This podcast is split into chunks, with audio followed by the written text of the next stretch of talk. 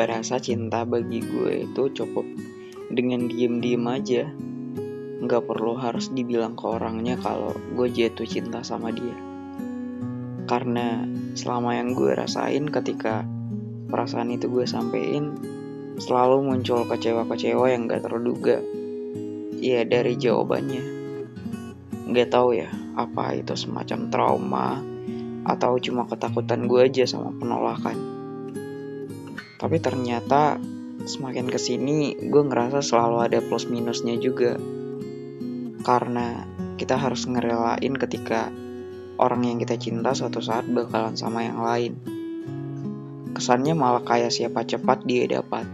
Siapa yang mengungkapkan lebih dulu maka dia yang dapat. Ya nggak lagi peduli sama siapa yang cintanya lebih besar. Kalau ditanya kecewa, ya pasti bakalan kecewa juga ujung-ujungnya.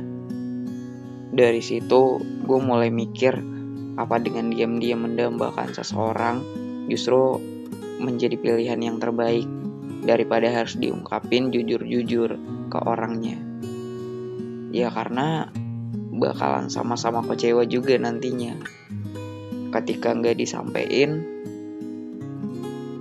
gimana kalau dia emang beneran suka juga ke kita? Dan pasti kita bakal nyesel nantinya. Tapi giliran disampaikan, gimana kalau misalkan jawabannya nggak sesuai dengan apa yang kita harapin?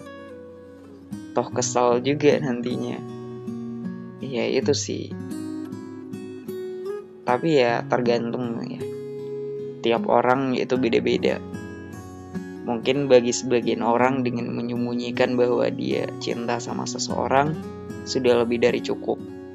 Karena mereka beranggapan bahwa tidak semua cinta harus memiliki. Sebetulnya kalau bahas soal cinta akan jauh lebih rumit dari yang kita bayangkan. Walau dalam kepala kita sebenarnya cinta nggak serumit itu. Cinta cukup mudah dipahami. Tapi ketika kita merealisasikannya, nah justru di sana letak cinta itu membingungkan. ya, gitulah cinta.